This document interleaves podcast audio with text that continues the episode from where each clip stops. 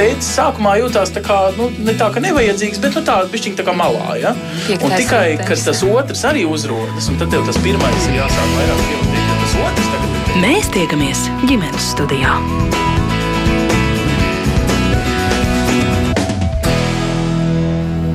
Labdien, redzējums ģimenes studijā. Sāk savu skanējumu jūsu sveicienu šī arī producenta Ilza Zvaigzne un es Agnese Linka.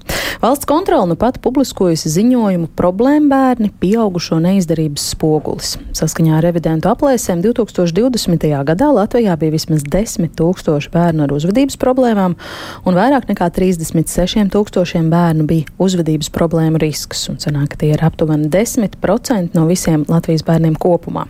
Bērnu tiesība aizsardzības likums nosaka pašvaldības pienākumu pienākumu iesaistīties bērnu uzvedības problēmu risināšanā un izstrādāt uzvedības sociālās korekcijas programmas. Diemžēl mm, revidents saka, atbildīgo institūciju pieeja ir novēlota un formāla. Dominē problēma bērnu sodīšana, nevis audzināšana, jo tas ir veids, kā atbildīgās institūcijas pašlaik risina problēmas, bet nenotiek iedziļināšanās bērnu uzvedības problēmu cēloņos. Kas vēl ir analizēts šai pētījumā, kā tas sakrīt ar citu speciālistu ikdienas profesionālo redzējumu par notiekošo un ko ar eh, šiem secinājumiem iesākt tālāk. Par to mēģināsim runāt šodien radījumā ģimenes studiju, un šeit es eh, šodien sarunas dalībnieku vidū sveicinu valsts kontrolas padomas locekli un trešās revīzijas departamenta direktoru Māju Abolu. Labdien! Āboliņu, paldies! Labdien, piedodiet! Jūrmālas pašvaldības nepilngadīgo uzraudzības nodaļas vadītāja Anita Silniec arī šodien kopā Labdien. ar mums ģimenes studijā. Labdien! Un arī bērnu psihiatrs, Bērnu kliniskās universitātes slimnīcas bērnu psihiatrijas klīnikas vadītājs Nikita Bezbarodovs. Sveicināti! Labdien! Kā Alaž arī jūs klausītāji esat laipni aicināti iesaistīties šajā sarunā, ja jums rodas kādi komentāri, viedokļi, pieredzes stāsti, esat laipni aicināti pievienoties mums šai sarunā, ir kas sakāms rakstiet ģimenes studijā no Latvijas radio. Mājas lapas vispirms vērsīšos mājā ar jautājumu pie jums. Mēs esam pieraduši, ka valsts kontrole Mm, vētīja un pēta dažādas uh, iestādes, valsts uzņēmumus. Ko un kāpēc jūs pētījāt uh, šajā gadījumā? Vai jūs varat iedot to fona, info un kontekstu? Uh, jāteic, ka valsts kontrole pēta procesus, pārvaldes procesus, kam valstī būtu jādarbojas, un, un kur mēs veicot risku analīzi redzam, ka tie rezultāti neparādās un, un ka tā darbība acīm redzam kaut kur nenotiek. Un tās ir tā saucamās valsts kontrolas liederības revīzijas. Konkrēti, trešais revīzijas departaments ir atbildīgs gan par labklājības nozares revīzijām, gan par veselības nozares revīzijām. Un, Tās, protams, ir tās jomas, kur, vis, kuras vistiešāk skar cilvēku tādā ikdienas dzīvēm. Um, savukārt bērnu tiesību jomā valsts kontrola revīzijas jau ir veikusi vairākus gadus, un uh, droši vien viena no tām pirmajām, ko varētu arī citi atcerēties, ir saistībā ar ārpus ģimenes aprūpas problemātiku. Un, uh, bija tajā laikā gan dažādas uh, nevalstiskie organizētas labdarības akcijas, bet uh, tas bija viens no tādiem pirmajiem fundamentālajiem pētījumiem, kur, uh, kurš prasīja domāšanas maiņu tajā virzienā, ka bērnu namiem vispār nevajadzētu būt kā tādiem. Uh, šai revīzijai sekoja gan nabadzības mazināšanas revīzija, kura arī iezīmējās, ka bērnu un ģimenes ir viena no riska grupām Latvijas sabiedrībā šajā kontekstā. Uh, Pagājušajā gadā mēs publiskojām revīzijas ziņojumu par speciālo izglītību, kur jau mēs sākām skatīties uz bērniem ar kādām speciālajām vajadzībām, un tur tie skaudrākie atklājumi bija saistīti ar internātu darbību Latvijā. Internāts izglītības iestādē, tātad izglītības pakalpojums kopā ar izmitināšanas pakalpojumu, faktiski daudzos gadījumos darbojās kā alternatīva bērnu namam turklāt bērniem ar speciālām vajadzībām. Un tomēr šajās revīzijās, apskatot šos it kā saprotamās riska grupas un jautājumus, revidenti redzēja, ka tas pētījums neaizsniedzās piemēram līdz naukšēniem. Un, un kas, kas tas īsti ir un, un kā tas darbojās un kāpēc bērni nonāk tur, tas bija viens no tādiem dzinuļiem veikto pētījumu tālāk. Uh, Un, jā, un tad sākās darbs pētot, kas vispār ir bērni ar uzvedības problēmām. Un tas ir viens no šīs revīzijas tādiem uh, lielajiem jautājumiem, kā viņus vispār apzināt, jo nu, nav tādas diagnozes. kā jau saku, nepaklausīgs bērns un nav tādas speciālās izglītības programmas nepaklausīgiem bērniem. Uh, nu, lūk, kā viņus vispār apzināt? Jāteic gan uzreiz, ka uh, mēs esam atlasījuši pazīmes, uh, analizējot datus, kas ir pieejami valsts un pašvaldību informācijas sistēmās, bet uh, tas noteikti neietver veselības aprūpas problemātiku. Uh, Uh, un, un, jā, un cita, vai, vai teiksim, mobbinga gadījums, jo tādas lietas datubāzēs nav reģistrētas. Mm, bet tas kopējais ieguvums no šī ir tas, ka to bērnu ir daudz Tātad jūsu jau pieminētie 10 plus 36 tūkstoši, kas ir identificējami tieši veicot jau datu analīzi, ko mēs varējām paveikt, norāda uz to, ka šī ir valsts mēroga problēma, ka tas tie nav daži gadījumi, par kuriem mēs runājam. Mm -hmm. Tad, kā tad varētu skaidrot, kāpēc jūs formulējāt pētījumu nosaukumu tieši tā, kas ir domāts ar šiem problēmu bērniem? Mūsu gadījumā tie ir bērni, kas ir izdarījuši administratīvus pārkāpumus, noziedzīgus nodarījumus, ubago, klaiņo un veic citas darbības, kas nākotnē ir ar potenciālu attīstīties likuma pārkāpšanas virzienā. Bet savukārt riska gadījumi izriet no tā, ka bērns ir pats guvis jau kaut kādu negatīvu pieredzi, ciešot no vardarbības, dzīvojot sociāli nelabvēlīgā ģimenē, kur vecākiem ir atkarības, kurš, kurš kavē skolu. Tā kā caur šo, ka viņam pastāv riski, ka viņš ar laiku šīs uzvedības problēmas varētu attīstīties jau tālāk. Jā. Kā jūs šo grupu pētījāt? Ko jūs analizējāt šo bērnu sakrā? Jā, tās ir, kā jau minēju, valsts un pašvaldību datu bāzes. Um, nu, kaut vai piemēram par izglītības kavējumiem. Šī ir aktuāla lieta šajā revīzijā. Uh, ir tā, izglītības iestādes vada šos datus uh, kopīgā informācijas sistēmā, un, un pat likums paredz, ka izglītības ministrijai, piemēram, ir jāstrādā šiem datiem un jāanalizē jau tādā augstākā līmenī, meklējot tendences, kur ir problēmas. Uh, tas, ko mēs konkrēti piemēram, par šo datu bāzi runājot, konstatējām, ka uh, Izglītības pārvaldes, izglītības ministrija ne, neapstrādā šos datus, izglītības iestādes nepilnīgi ievada šos datus.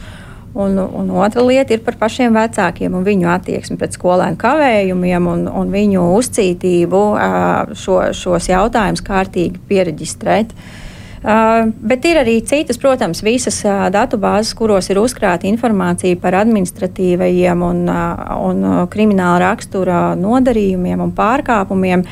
Um, Mēs izmantojām arī nevalstisko organizāciju pakalpojumu sniedzēju datus, kur ir tie bērni, kas jau saņem kādus sociālos rehabilitācijas pakalpojumus. Uh, vai tos pašus no vardarbībai. Tā kā apkopojot visus šos datus, mēs nonācām līdz konkrētiem bērnu skaitam. Mhm. Un kas ir tie secinājumi? Kur ir tās problēmas saistībā ar valsts atbalsta sistēmu šai grupai? Nu, tad tur ir jārunā par vairākām fāzēm. Pirmā ir bērnu uh, ar uzvedības problēmām vai to potenciālu un viņu ģimeņu apzināšana. Uh, Nākamā fāze ir, ja jau tam bērnam ir iezīmes, ka viņa uzvedībā kaut kas nav kārtībā, tad sākas pašvaldību likumā noteiktais profilakses darbs. Trešā stadija ir, kad bērns izdara likuma pārkāpumus administratīvos. Tad ir administratīvās sodīšanas jautājumi. Um, tad uh, mēs paskatījāmies visā uh, vis tā smagākā, stingrākā mm, līdzekļa piemērošanu, proti, ievietošanu augšēnos. Un, uh, tā kā mēs kritiski izsakamies par bērnu administratīvās sodīšanas praksi, un šajā viedoklī mēs noteikti neesam vienīgie, mēs skatījāmies uz alternatīvām. Un alternatīvas ir pakalpojumi, kuriem faktiski jau vajadzētu būt šobrīd administratīvās sodīšanas vietā, un, un, bet, uh, un arī likuma pārkāpuma profilakses ietvarā. Bet ka tas, uh, ka tie pakalpojumi šobrīd nav pietiekami un visiem pieejami. Uh, Um, jā, tā kā tās galvenās problēmas pašvaldības, kurām tas ir pienākums, neveic sociālās vidas izpēti dažādu iemeslu dēļ, likuma pārkāpumu profilaks darbs nav nekāda profilakse, tas ir darbs ar likuma pārkāpumiem, tādēļ novēloti.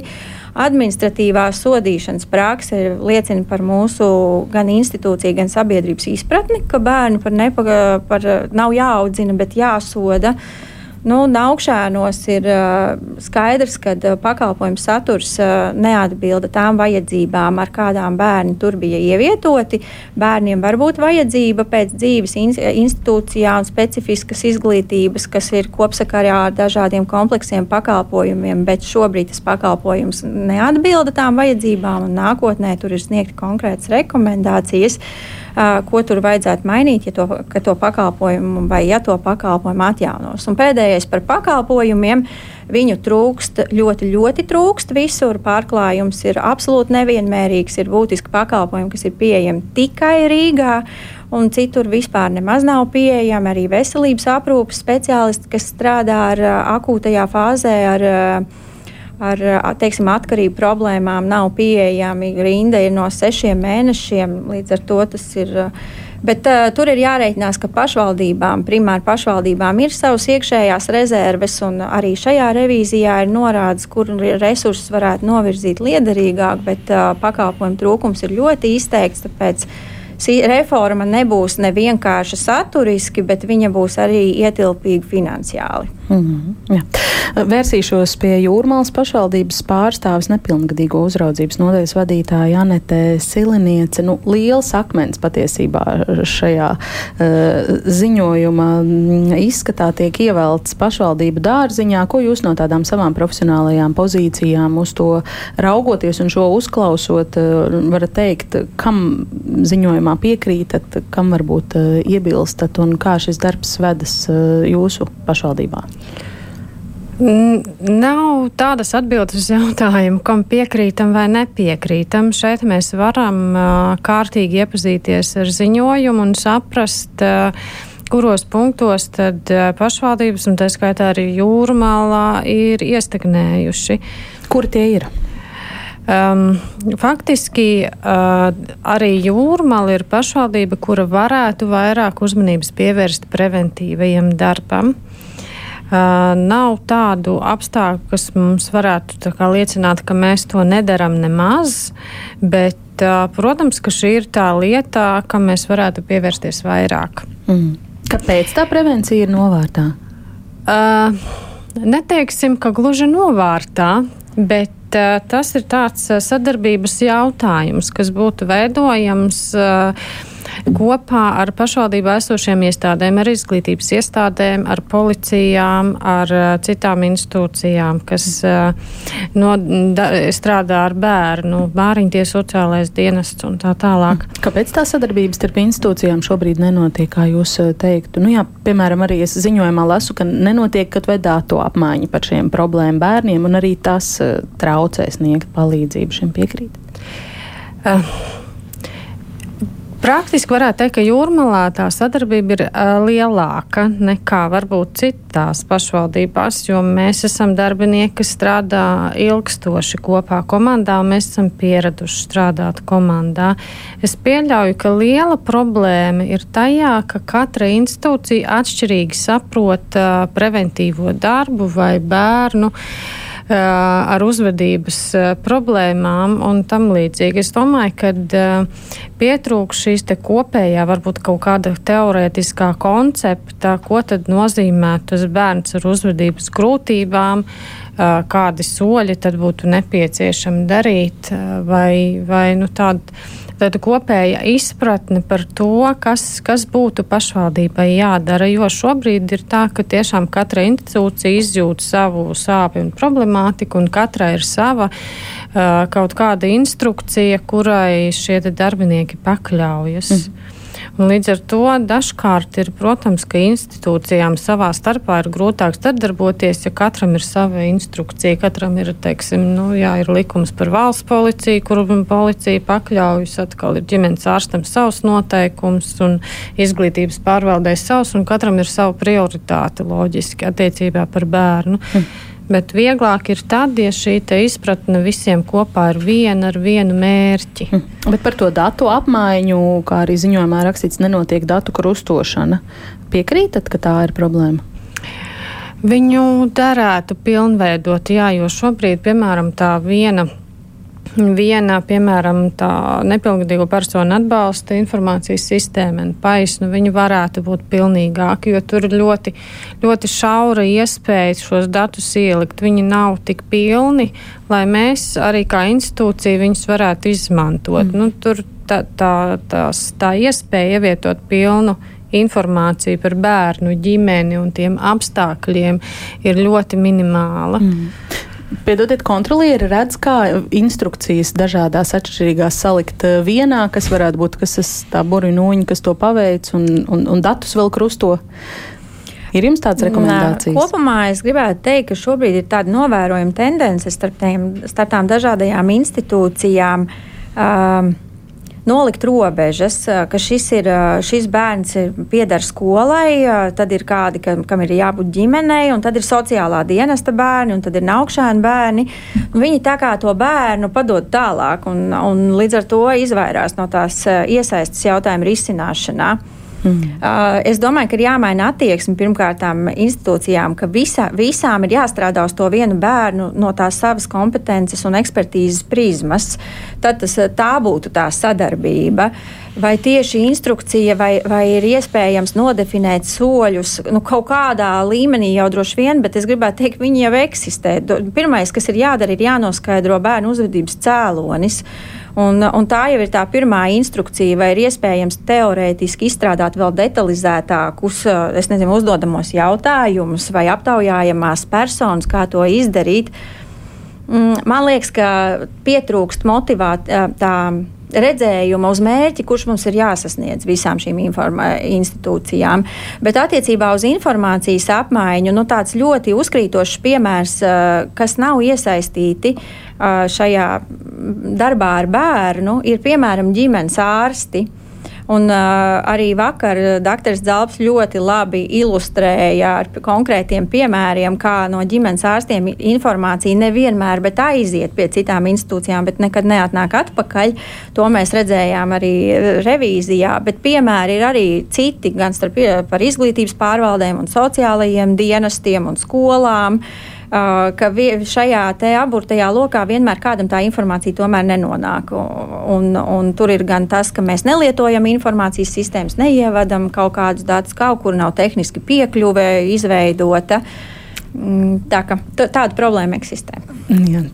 Par info apmaiņu droši vien varētu vēl to, ka pēc 2021. un 2022. gadā to vēl nedarām, varētu vēl debatēt gari, bet par bērnu problēmu uzvedības cēloņiem droši vien dakteris e, Bezbrodovs varēs mums e, vairāk pastāstīt un e, gribu jūs arī lūgt to darīt. Cik bieži, Nikita, ir tā, ka var teikt, ka uzvedības problēmas ir saistītas ar psihisko veselību vai kaut kādām novirzēm no normas šajā gadījumā? Un... Ne, nu šeit es varbūt nedaudz varu papildināt un pat palabot valsts kontroli E, ir principā tāda diagnoze, kas skan uzvedības traucējumu. Uzvedības problēmas, protams, ka tā nav uh, diagnoze, bet, bet mums ir uh, gadījumi, kad, uh, kad bērnam ir izveidojies ļoti stabils un noturīgs laikā uzvedības stereotips, kas ir saistīts ar atkārtotu ja, dažādu nu, prasību likumu pārkāpšanu, jau pozicionāru, izaicinošu uzvedību, antisociālām, dažādām uzvedības nu, tādām atkārtotiem elementiem. Ja, tā kā principā arī mums ir tāds nosaukums un diagnoze, bet ir dažas lietas, ko ir jāsaprot par uzvedību kopumā, un tas jau ir izskanējušas, bet es gribētu ļoti uzsvert. Uh, viens ir, ka uzvedība nekādā gadījumā nav iedzimta. Ja, tad mūsu uzvedība nav atkarīga no mūsu ģenētikas, mūsu uzvedība nav tiešā veidā atkarīga no tā, kādas mums ir smadzenes, kādas ir īpatnības. Uzvedība ir kaut kas, kas rodas vidē, un uzvedību determinē, nosaka vide. Ja, tad, ja bērnam ir uzvedības problēmas, un nerunājot par to, ja viņam ir uzvedības traucējumi, kā noturīgs problēmas stereotips, tad tas ir skaidrs signāls, ka kaut kas tai vidē, kur viņš atrodas, nav atbilstoši viņa spējām un vajadzībām. Kaut kādas vajadzības nav apmierinātas. Un šeit parādās tas interesants jautājums. Ja jebkura uzvedība ir iemesli, ir izpausme un ir sekas, ja, tad visas uzvedības ir instrumentālas.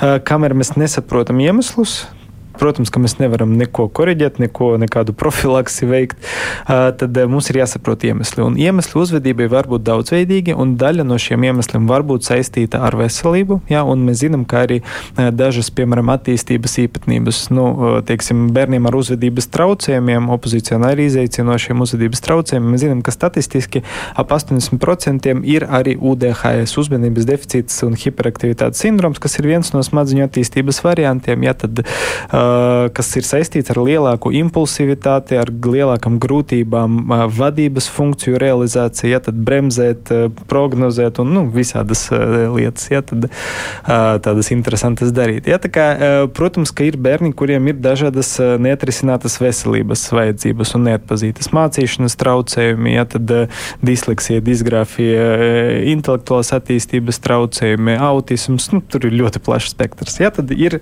tā veselības vajadzību kopā. Bērnam var būt neapmierinātas sociālas vajadzības, ja, tad, un šeit ir jautājums, kurā kontekstā rodas uzvedības traucējumi. Dažreiz ir tā, ka uzvedības traucējumi rodas tikai skolā, un tad mums ir jāskatās, kas notiek skolā. Jā, bet, protams, ka, ka tai sarežģītākajos gadījumos, ar kuriem mēs kā psihiatri strādājam, kad mēs runājam par uzvedības traucējumiem, parasti šīs grūtības ir visās vidēs, ģimenē, jā, tad skolā, citās vidēs. Un tas ir signāls par to, ka, ka nu, tas ģimenes resurs nav bijis pietiekošs. Ja, tad, un šeit jau ir pieminēti dažādas nu, sociāla riska gadījumi, ja vecākošanas prasmju, ne, nepietiekošas vecākošanas prasmes vecākiem, ja, tad nu, problēmas ģimenē. Un tad, protams, ka vēl viena liela joma ir skola, un bērnam varbūt arī neapmierināts izglītības vajadzības. Mhm. Ja, tad, katram bērnam šīs komplekts ar vajadzībām ir unikāls, un tā ir tā liela problēma. Ja jau nevar viens resurs, ja tad var uzdot uh, man kā bērnu psihiatram uzdevumu, nu, atrisini tagad uh, uzvedības problēmas. Tas nebūs iespējams. Var uzdot, nezinu, labklājības ministrija vai izglītības ministrija. Vienā resorā tas nav risināms, un tas, kas ir izskanējis jau, nu, es, domāju, es piekrītu par problēmu ar komunikāciju, bet vēl lielāka problēma ir, ka nu, īpaši tiem bērniem ar ļoti augstām neapmierinātām vajadzībām, tie, kas jau ir veikuši dažāda veida likuma pārkāpumus un nonākuši uh, nu, sliktākajā gadījumā jau institucionālajā uh, sistēmā, jā, tad uh, līdz šim nav uh, tas gadījuma vadītājs. Nav tas uh, viens uh, nezinu, resurs vai, vai institūcija vai, vai cilvēks fiziski, uh, kas būtu par to bērnu atbildīgs. Ja? Galu galā tas viss atgriežas pie vecāka, un ja vecāks nevar kļūt par šo gadījumu vadītāju, tad tas bērns nesaņem palīdzību, un tad tas viss iet uh, pa pieskari. Ja? Tad Eh, un, eh, nu, mēs arī vakar diskusijā izrunājām, eh, man ir, es esmu ļoti augstās domās par, par valsts probācijas dienesta darbu. Man liekas, ka viņi strādā ļoti labi, un tā, tas ir tas dienests, kur tā filozofijas maiņa ir notikusi.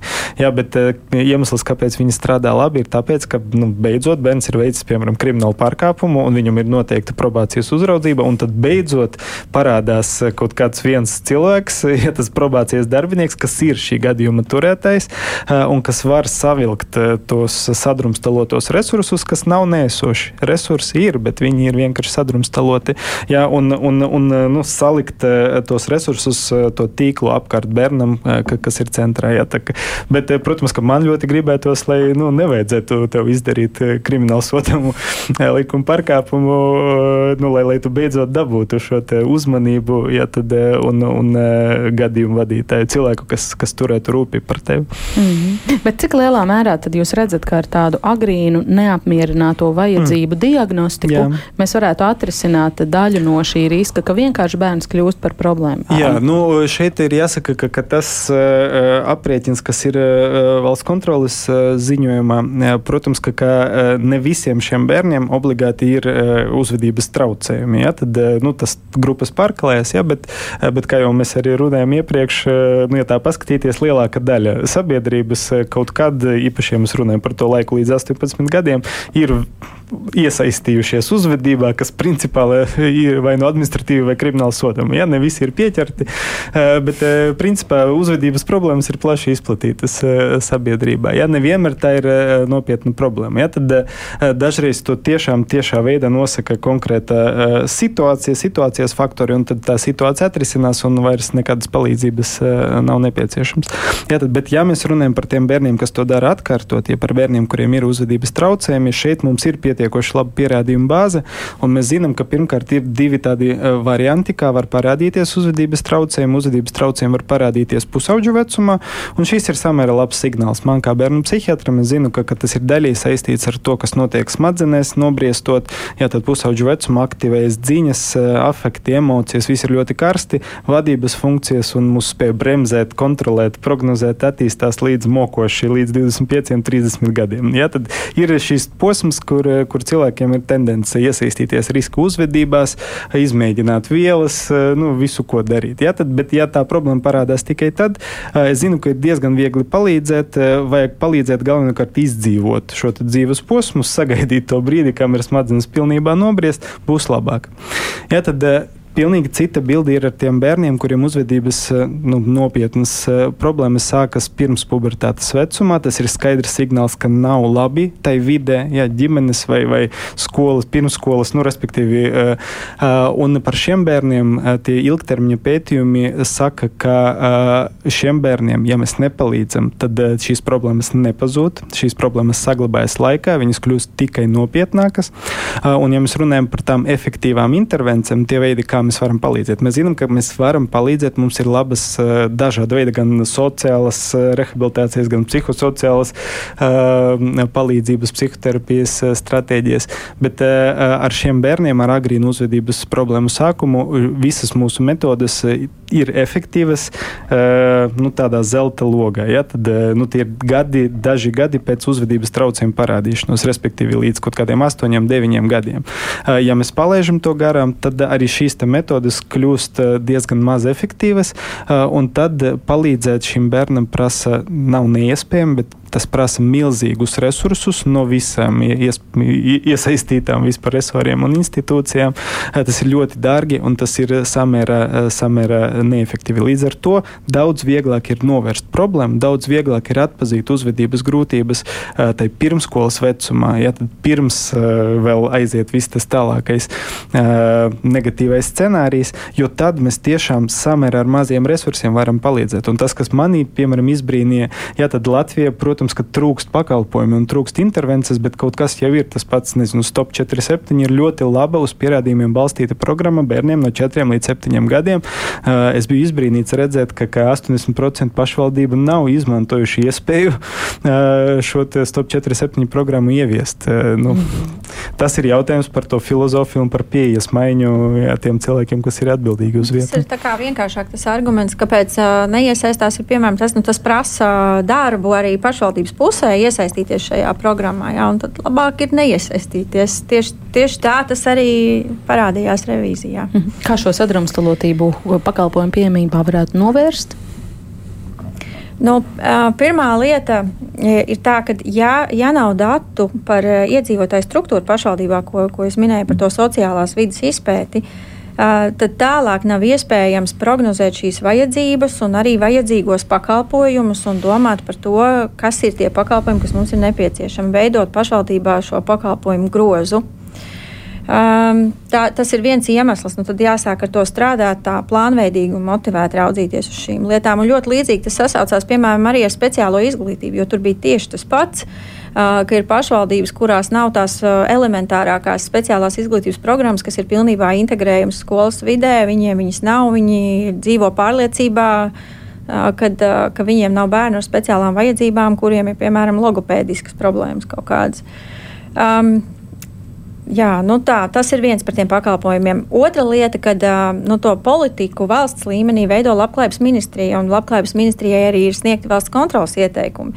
Bet tā kā redzot, ka nu, tas minimālais pakalpojumu gros pat tādi nu, minimālākie, elementārākie pakalpojumi, kas būtu izmantoti, ja agrīnājā stadijā masveidīgi nav paša, vispār pašvaldībās tad acīm redzam, ir jādomā par to, ka pašvaldībām ir jāsāk no, no, no tā augstākā līmeņa, dot uzdevumu, veidot minimālo pakalpojumu grozu un definēt to, kam ir obligāti jābūt pa, katrā pašvaldībā. Nu, tā ka no vienas puses tā, tāda vajadzība nebūtu, ja pašvaldības darītu savu mājas darbu un ikdienā strādātu, jo to var izdarīt, zinot, uz kurien pašvaldībai ir jāaiziet. Nu, ja tas netiek darīts, tad ir jādomā šādā virzienā.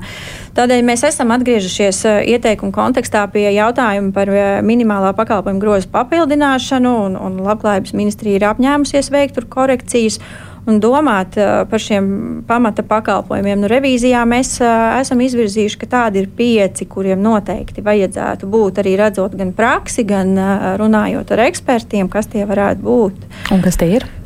Pirmā lieta ir vecāku prasmju attīstīšanai izglītojošas nodarbības, um, tātad apmācības, um, tad psiholoģiskais atbalsts, ģimenes asistents, kas tā tad uh, saturiski palīdz uh, ieviest uh, rutīnu uh, ģimenes dzīvē un sa saka, sakārtot to viņu ikdienu. Um, ko es vēl nepieminēju? Es nepieminēju krīzes un ģimenes centrus un atkarību profilaks un ārstēšanu vecākiem, kam mm. arī ir jābūt katrā mm. pašvaldībā. Tā kā es nesaku, ka nevar būt citi, bet šie bija tie pieci, kurus mēs identificējām Jā. revīzijas laikā. Anita, pastāstīsiet, kas no šī ir jūrmalā, ar ko jau strādājat, cik pilns jūsu gross šajā jūrmalā ziņā? Jūrmalā ir gandrīz pilns nu, minētais gross, mm. izņemot tā atkarību profilakse vecākiem, par ko būtu jāpadomā. Profilakse vai ārstēšana? Ārstēšana, gan, gan, ārstēšana, gan, gan. profilakse, gan ārstēšana, jā. Jo jūrmalā mūsu veselības pakalpojumu ietvaros vecākiem tiek piedāvāts gan publiski apmeklēt lekcijas par dažādām vecākiem saistošām tēmām, gan ir pieejams psihologu pakalpojums, gan arī mūsu nodaļa organizē atsevišķas aktivitātes vecākiem, kādas nodarbības vai individuāli vai grupās. Jā, savācas grupa. Nu, Jā, tā kā nu, visu to vecāki un bērni var izmantot. Mm -hmm. Un jums arī ir uh, visaptveroši dati par to, cik jūsu pašvaldībā ir šo ģimeņu un tādu bērnu, kuri varētu būt riska grupā un kam tas varētu būt nepieciešams? Oh. Tāds sarežģīts jautājums. Nu, tie bērni, kas ir mūsu redzes lokā, jau esoši redzes lokā, par ko mēs zinām. Protams, ka mēs zinām, cik viņi ir un kādas ir tās problēmas un kādi ir cēloņi. Mm. Kā tā informācija nonāk pie jums? Dažādos veidos. Ja par to ziņo izglītības iestāde, par to var ziņot arī jebkurš iedzīvotājs, par to var ziņot divas policijas, protams, kad izglītības pārvalde to var ziņot. Mm -hmm. Nu, jeb, jebkurš formāts, eh, kas ir iestāžu vai iedzīvotāju ziņošanas veids. Jā. Jūsu gadījumā jūs sakat, izglītības iestāde ziņo dara to vienmēr, ka tas ir nepieciešams. Jo valsts kontrolas ziņojumā es lasīju, ka tur, kur jūs pētījāt, atsakojot šos bērnus ar likuma pārkāpumiem un pētījāt, kas ir palaists garām, kāpēc viņš ir riska grupā attapiesta tā centrālā vieta, kur šī informācija paslīd garām, bet varētu tikt eh, izķerta ir bijusi skola. Nu, jā, skola gandrīz, nu, gandrīz vienmēr, liekas, būs tā vieta, kur, kur bet, bet ne tikai, jā, vakar arī kolēģi no izglītības sistēmas ko, koriģēja vai papildināja teikto, liekot ļoti lielu uzsvaru uz pirmsskolas izglītības iestādēm, ne tikai uz uh, pamatskolu. Un tas mm. ļoti sasaucās ar to, ko Nikita teica par tām, uh, ka jo agrāk, jo labāk, un ka tu, tā ir tā vieta, kur var pamanīt uh, šīs novirzes. Uh, Uh, jā, nu, bet uh, mēs zinām, ka arī skolotāji ir atstāti ļoti vieni ar tiem bērniem. Un, un tad ir jautājums, tagad jau visa, visa pārējā izglītības reforma paredz un liek ļoti lielu uzsvaru uz skolas vadības komandas darbu un, un uz gan skolotāju un atbalsta personu, atbalsta personāla sadarbības veidošanu izglītības mm -hmm. iestādē. Arī tas jau nemaz nenotiek, tāpēc ļoti daudzas problēmas noteikti neiziet no vienas klases un no, no skolotāja redzesloka, nerunājot par to, kurš ir tas brīdis, kad skola griezīsies sociālajā dienestā. Mm -hmm. Visticamāk, ar kādām pretenzijām lielām, kur būs pienācis tas moments, ka tagad šis bērns vairs skolā, nē, tagad sociālajam dienestam, kam tā nevajadzētu mm -hmm. būt. Bet tā vienkāršos vārdos sakot, eh, ļoti vērīgām un varbūt mazliet piekasīgākām būtu ieteicams būt bērnu dārzu audzinātājiem? Es domāju, ka nu, varbūt tieši tā nevajadzētu teikt. Mēs arī kaut ko nu, veselības aprūpes ja? sistēmā darām. Un viens liels projekts, kas pašlaik ļoti strauji iet un, un noslēgsies ar rezultātu nākamgad, ir, ka, ka mēs bērniem no viena līdz sešiem ar pus gadiem izstrādājam mūsu apstākļiem atbilstošu agrīnas attīstības skrīninga instrumentu, kuri būs sadaļas gan nu, par dažādām bērnu mhm. attīstības mm -hmm. sfērām, kognitīvā attīstība attīstību, valodas attīstību, bet tur būs sadaļa arī par emocijām un uzvedību. Jā, jo līdz šim, protams, ka, ka nu, uzvedības grūtības jau arī var pamanīt, bet, uh, bet mums nebija pieejams instruments, skrīninga instruments, mm. ko varētu izmantot. Jā, un tad tas būs domāts gan ģimenes ārstam un viņa komandai, gan vecākam, gan pirmskolas pedagogam. Jā, tad mm. tur būs tāda iespēja agrīnāk atpazīt. Uh, tā kā, nu jā, bet es domāju, ka, ka es piekrītu, ka nu, šai gadījumā, protams, ka, ka es jau pieminu, tās svarīgas vidas bērnam ir ģimene un ir izglītības iestāde. Un, diemžēl nu, ģimene ir tas dabiskais atbalsta tīkls un tas dabiskais resurs atbalsta bērnam. Un šeit nu, ģimenes visas ir dažādas, vecāki ir dažādi, situācijas ir dažādas. Mēs nevienmēr varam pilnībā nokompensēt, ja tur ir kaut kādi caurumi tai tīklā izveidojušies. Uh, savukārt skola nu, ir zināms deleģējums. Mums arī likumā ierakstīts, ja, ka, ka valsts garantē izglītību, un skola, skolai un pirmskolai gan vajadzētu būt tam tīklam, eh, kur gadījumā, ja ģimenē ir kaut kas caurums un bērns izkrīt un nesaņem palīdzību, eh, kur gan mums vajadzētu viņu eh, noķert, un šeit tiešām tā loma ir ļoti liela un līdz galam notiek nerealizēta Latvijā, un skolām trūkst resursu, dažāda veida resursu. Nu, mēs zinām par pedagoģu skaitu, kaut vai eh, jā, nerunājot par atalgojumu, eh, par pedagoģu kompetencēm. Eh, jā, tad, nu, kur, tad dažreiz tas resurs nav tikai finansiālais resurs, dažreiz tās ir zināšanas un prasmes. Jā, tad, bet es tiešām īpaši neredzu citu iespēju, kā to nevar iemācīties darīt kaut ko vai trenēt bērnam uzvedības prasmes, kas ir viens no skolas uzdevumiem. Jā, tad teorētiski to var iemācīties tikai praktiski praktiski, un tas ir jautājums par iekļaujušu izglītību. Un, nu, tiešām jāskatās iepriekšēju ziņojumu, un tas ir iemesls, kāpēc eh, nu, man liekas, ka pirmo reizi, kad eh, visas iespējams nevalstiskas organizācijas bija spējīgas vienoties vienā ziņojumā, skaidra bija saistīts ar bērniem ar uzvedības eh, traucējumiem un agresīvu uzvedību un plānotiem grozījumiem izglītības likumā, kas ļautu viņus nu, diezgan vienkārši izstumt no izglītības iestādes. It kā problēmas risināšana, bet tas neatrisina problēmu. Mm. Starp citu, Nikita, es gribu jums pārveicāt tas, ko jūs pieminējāt, instruments, kas mums būs, tas mm -hmm. rīks, kas top, vai tas ir tas, jo es arī sagatavoju par šo jautājumu, Jā. atceroties mūsu sarunu pirms kāda gada. Pusotra pārisoras koordinācijas Jā. centrs toreiz aktualizēja arī Jā. šo jautājumu par yes. agrīno diagnostiku, un tad tur bija tas, tas priekšizpēta vienotā. Viņš ir Jā, izveidots. Tas ir gatavs, kad tas būs? Viņš ir gatavs, bet uh, viņam jānotiek vēl validācijas pētījumam, respektīvi mums ir jādefinē uh, nu, tās normas, kā, kā, izskatās mūsu bērnu sabiedrība tais dažādās attīstības jomās. Un tas, tas validācijas pētījums notiks nākamgad, un nu, uz nākamā gada beigām vajadzētu būt, ka tas Rīgas ir tādā, tādā stāvoklī un ka, ka viņu var praktiski sākt mm. izmantot. Nu, tad paliks jautājums par ieviešanu. Līdz 2023. gada beigām būs jā, gatavs. Ja? Vajadzētu būt. Bet, protams, ka tas, kas mani satrauc par šo, es esmu pārliecināts, ka būs ļoti labs rīks agrīnai grūtību atpazīšanai dažādās jomās. Bet, kā jau ar jebkuru skrīningu, nu, kā, kā analoģiju mēs varam, nezinu, krūtsvēža skrīningu, ļoti labi, svarīgi atklāt agrīni, bet nevar atklāt problēmu un pateikt, nu, tagad tu zini, visu labu ar mm. Dievu. Jā, tad eh, nevar ieviest skrīningu bez paralēlas eh, pakalpojumu ieviešanas. Un šeit tā ir tā liela, uh, liela lieta. Mēs skrīningu izveidosim, bet paralēli mums ļoti intensīvi visos resoros jāstrādā uz to, ka mums ir jārāda šie pakalpojumi, jāapskailo, jā, jā, jāmērogo tie pakalpojumi, kas jau ir, bet kas ir ierobežoti pieejami, kaut vai tas top 4-7 jau pieminētais, bet ir arī citi piemēri. Jā, tas kā, ir tas pakalpojumu grosis, jā, tas ir tas pakalpojumu grosis, par ko valsts kontrole jau ir pieminējusi. Mm. Nu, tas, tas nav minimālais, droši vien tas ir vēl kaut kas cits. nu, kaut vai jāsaka, bet. Bet, jā, protams, nu, šie pakalpojumi konkrēti pieminēti ir tādi, kas uh, ir tiek attīstīti par uh, fondu līdzekļiem. Uh, un, un tā problēma ar šiem pakalpojumiem ir tā, ka tad, kad tas fonda projekts beidzās, tad beidzās arī pakalpojums. Un, un vienmēr ir jādomā par to, kā mēs viņu turpināsim, kā nodrošināt ilgspēju šiem labajiem un jau aprobētajiem pakalpojumiem.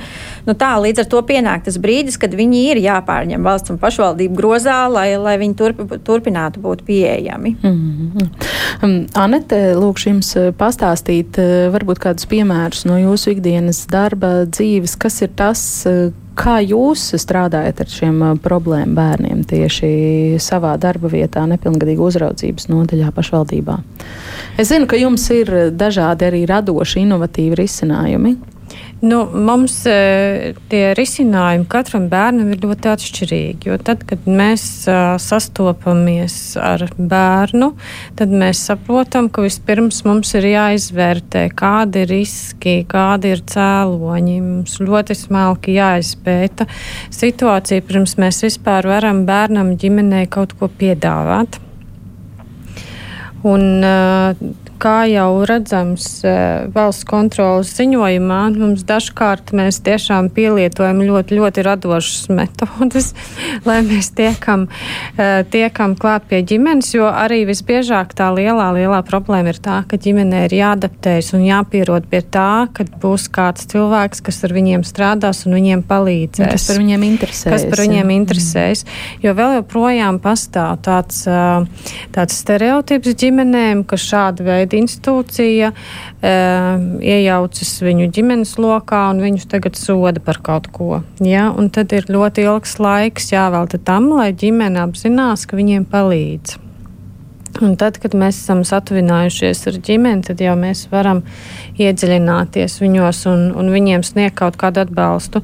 Nu, bieži vien šāds process notiek nu, ārpus rāmjiem. Mēs nepieda, nu, nepieturamies pie kaut kādas instrukcijas, ka tagad mēs veicam risku izpēti, tagad mēs ievedam kaut ko datu bāzītē, un tad mēs uzrakstām sarunas protokolu un, un vēl kaut kādas līdzīgas lietas, vai kas tur, tur vadlīnijā ir, ir ieteikts. Jā, mums visbiežāk ir jāatrēģē ļoti ātri. Mums ir jāsaprot, vai mēs varam izmantot, vai mēs varam izmantot bērnu treneri, vai labāko draugu, vai krustmāmiņu, vai vecmāmiņu, vai kuru citu cilvēku, ar kuru palīdzību mēs varam pietuvināties ģimenei ar kuru palīdzību mēs vispār varam saprast, kas notiek. Citreiz tā ir arī skolotāji un klases audzinātāji, kas var būt vienīgais resurss, vienīgais resurss, kas vispār bērnam eksistē. Mums ir jāatrod tas resurss, ar kuru mēs varam to bērnu pacelt. Jo mm, trākums bieži ir tāds, ka pat tad, ja tas bērns iziet no mūsu kabineta motivēts, tad viņam ārpus kabineta nav, nav tā atbalsta, ar kuru viņš varētu ar šo skaisto motivāciju, skaisto mm. vēlmu, ko viņš ir izdomājis, kur viņš varētu to likt un iet. Tad ir vajadzīgs vēl kāds. Tas ir tas gadījuma vadītājs, ko gadījuma vadītājs. Nu, jūrmalā, protams, ir vienmēr ir gadījuma vadītājs. Mm. Viņš ir bijis vienmēr, bet e, mūsu tas punkts ir e, iziet ārpus tā ir viens ir gadījuma vadītājs, bet otra lieta ir tas, vai šo gadījumu vadītāju bērns pieņem. Tad mums ir jāpalīdz šim bērnam un jābūt pietiekami elastīgiem, lai mēs varētu nokoordinēt uh, to procesu, kas ir, kas ir labāks bērnam. Varbūt, ka viņam cits darbinieks patīk labāk. Varbūt, ka uh, viņam ir drošāk kopā ar draugu nākt. Arī tā ir. Varbūt viņam ir kaut kādas citas lietas, kas viņam rada to drošības sajūtu, un viņš var iesaistīties programmās. Mm. Nevienmēr tas ir viens un tas pats, jo šeit Jā. par ko tiek runāts, ir, ka, un to mēs zinām, ja mēs varam runāt par riskiem, bet no otras puses mēs starp citu, pamaz runājam, bet mēs varam runāt eh, par, par to izturēt spēju. Mēs visi esam baigi izturīgi kopumā, kā, kā, kā uh, dzīvnieki, jā. būtnes. Jā, tad bērni ir ļoti izturīgi. Un ir arī lietas, kas ceļ to spēju izturēt arī nu, smagus notikumus, vardarbības eh, pieredzi. Un viens no galvenajiem, um, nu, tiem resilience, angliski to sauc, tām izturēt spējas faktoriem, ir, ir tās protektīvās attiecības. Un šeit, nu, ļoti vienkāršot var pateikt, noteikti, ka ārkārtīgi svarīgi, lai jebkuram bērnam viņu dzīvē būtu vismaz viens pieaugušais, kuram par viņu nav vienalga, ar kuru ir izveidojuši šīs piesaistes protektīvās attiecības. Nevienmēr tas būs vecāks, dažreiz tas var būt vecvecāks, daž, dažreiz tas var būt sporta treneris vai skolotājs. Ja, tad, tad nu, šajā gadījumā tā ir absolūti pareiza pieeja atrast tad, to, to pieaugušo, ja, tad, kas šī bērna dzīvē var būt šī piesaistes persona, kuram nav viena alga. Ja, tad, un, un, un tas ir tas, kas, kas nu, ne visas, bet daudzas lietas palīdz atrisināt. Gadījuma vadītājs tas ir nu, teiksim, no, no palīdzētāju puses. Viņš var būt arī vienkārši cilvēks, kas, kas nu, savilk to visu kopā. Ja, bet tā uzticības persona tas ir super, super svarīgi. Mm. Šis ir interesanti un tas noteikti var būt noderīgs lielākam, plašākam klausītāju lokam, varbūt nespecifiski sistēmā iesaistītiem cilvēkiem, mm. kuriem mūsu diskusija varbūt varētu būt visinteresantākā, bet jūs kolēģi no pusaužu resursu centra Romija Krēziņa mm. nesen kaut kad Twitterī eh, šonadēļ, manuprāt, bija rakstījusi, ka viņa ir bijusi karjeras nedēļā kādā klasē, kur Jā. ir bijuši 30 bērni, eh, laikam pusauģi, un viņa ir lūgusi pacelt roku tiem, kuriem ir vismaz viens pieaugušais, ka viņi uzticās. Un mm. no 30 bērniem rokas ir pacēluši seši šis noteikti ir kaut kas, par ko mēs, kā visi pieaugušie, varam aizdomāties. Jā.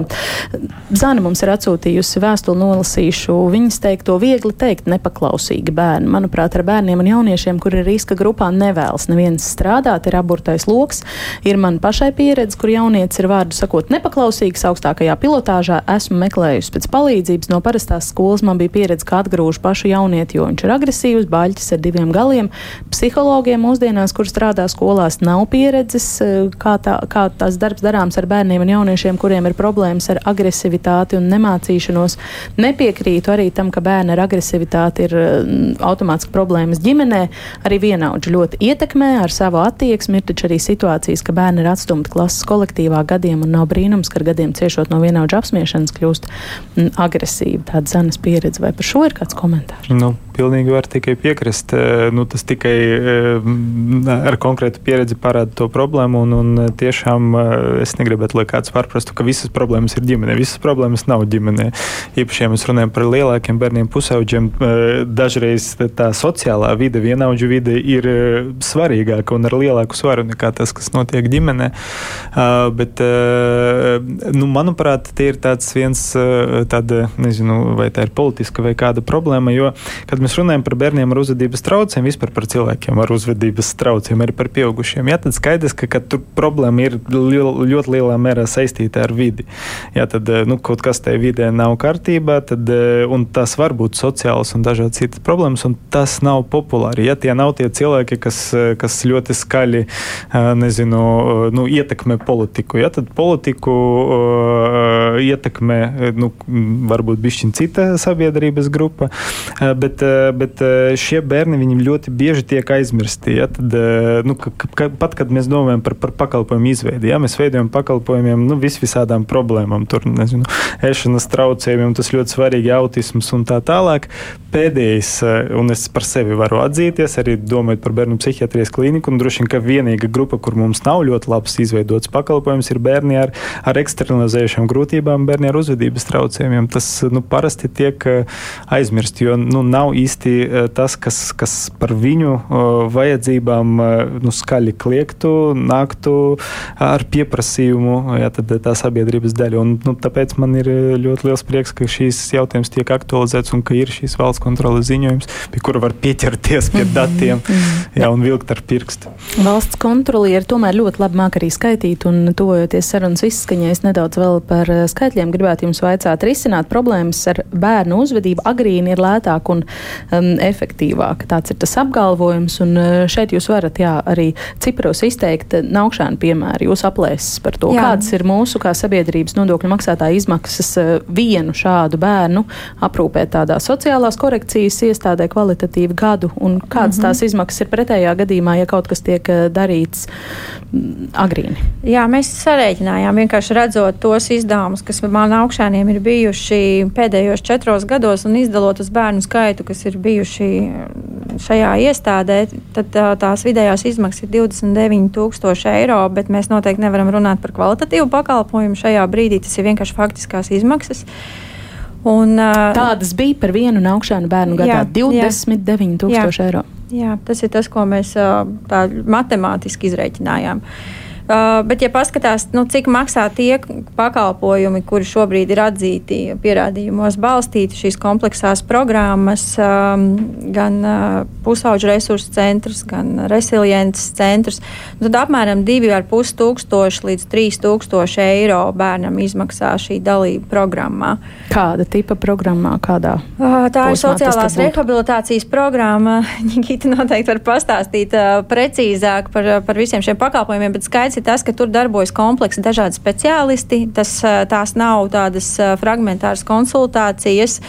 Uh, un, un, uh, nu jā, tas prasa laiku, pusgads, gads, uh, cik ilgi bērns uh, iesaistās. Lai, nu, pēc tā pirmās, teiksim, no resiliences centra pieredzes konkrēti runājot, uh, tad uh, ar, ar tiem sešiem mēnešiem nav mhm. pietiekami, mm. lai šos smagos bērnus varētu atgriezt uz, mm. uz pareizā ceļa. Tas ir, kur vismaz desmit reizes lētāk. Uz šo brīdi, jā, noteikti. Mm. Mm. noteikti. Nu, jā, un, lai uh, noslēgtu šo sarunu ar cerību staru, es zinu, ka jūs rakstāt, ka, lai nodrošinātu bērniem ar uzvedības problēmām, viņu ģimenēm nepieciešamo atbalstu valsts kontroli ir sniegus, kā jau jūs minējāt, Labklājības ministrijai ieteikums 14 gabalus, Tieslietu ministrijai 5 priekšlikumu un izglītības zinātnes ministrijai 6. Kādas ir tās izredzes, ka tie tiek ņemti vērā un, un ieviesti? Cik lielā mērā tas ir gribas resursu jautājums? Es domāju, ka pirmkārt šobrīd ir ļoti labs brīdis, kad ir noslēgusies šī revīzija, jo mums veidojas jauna valdība, kur šobrīd definē savas prioritātes, un, un tādēļ ir, ir labi, ka mēs šo lielo pētījumu ar samilzušām problēmām varam nolikt viņiem pārvē, izvērtēšanai, jo, jo tas ir jautājums par prioritātēm.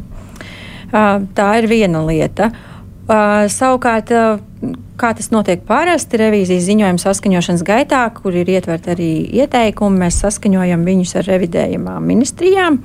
Uh, ministrijas ne no šiem ieteikumiem nav atteikušās, un, un viņām pretī ir jāliek jau kaut kādi darba plāni. Uh, tādi realistiski ar termiņiem, kā viņas virzīsies uz to, lai šos ieteikumus ieviestu. Jāteic gan, ka uz lielajām reformām, jā, mēs esam vienojušies ar to pašu labklājības ministriju, ka mums ir tāds pārejas periods, jo viņi arī gaidīs, kādi būs jaunie valdības uzstādījumi, un tad viņi varēs prognozēt savus izredzes un, un arī pieejamo finansējumu, ko viņi varēs izdarīt. Tā ka tāda jau lielāka skaidrība par tām reformām varētu būt pēc gada. Uh, es neesmu skeptiska, jo iepriekšējās lielajās revīzijās sniedzot šos ieteikumus attiecībā uz reformām, daudz lietas arī ir izdevies ieviest kaut vai tajā pašā ārpus ģimenes aprūpē. Tā kā Jā, nu, mēs turpināsim sekot līdzi. Tā mūsu sadarbība ar ministrijām turpmāk būs tāda, ka viņām periodiski būs jā, jāstāsta par progresu šo ieteikumu ieviešanā, un tad, kad mums būs informācija, pirmkārt mēs viņu izvērtējam savā pusē. Un, un tad mēs, ko mēs darīsim, mēs stāstīsim tālāk arī visiem pārējiem sabiedrībai, kā, kā veicās. Un, un nevis gaidīsim to 28. gadu, kas šobrīd ir iezīmējies kā gala termiņš, bet, bet noteikti pastāstīsim par to jau ātrāku. Hmm. Nekīt jums tāds smiekliņš paspruka. Nē, es, ehm, es esmu priecīgs dzirdēt, eh, un, un kopumā es jau pieminēju, tā, ka, ka man, man šķiet ļoti svarīgi runāt publiski, jo mēs, eh, nu, bišķiņ arī te ir eh, ziņojuma prezentācija nu, ar tiesību sargu runājam kuluāros, ka, ka nu, skaidrs, ka šīs ir problēmas, ka, par kuriem liekas, ka mēs jau gadu desmitiem runājam, jā, bet, bet nu, ir ļoti svarīgi, ka, ka par to runā plašāks cilvēku lokus. Un, un eh, prieks, ka kā valsts kontrole, kā, kā ļoti specifiska institūcija valstī ar specifiskām kompetencēm eh, šai, šai jautājumam ir iesaistījusies. Un man jāsaka, ka man arī ir cerība, ka es, es esmu pārliecināts patiesībā, ka, ka pakāpeniski mums izdosies izveidot labāku sistēmu un labākus pakalpojumus. Eh, vienkārši tas neiet ļoti ātri, diemžēl. Ja. Paldies, ka runājām publiski šodien par šo visu ģimenes eh, studijā. Paldies par dalību raidījumā. Es saku valsts kontrolas padomus loceklai un trešās revīzijas departamenta direktorai Mājai Aboliņai, arī Jūrmālas pašvaldības nepilngadīgo uzraudzības nodaļas vadītāja Anete Silniec bija kopā ar mums šodien ģimenes eh, studijā un bērnu psihiatrs Nikita Bezbarodovs. Paldies, ka veltījāt savu laiku mums un mūsu klausītāju uzmanībai. Šo radījumu veidoja Ilza Zvaigzne, Katrīna Bramberga un es Agnese Linka.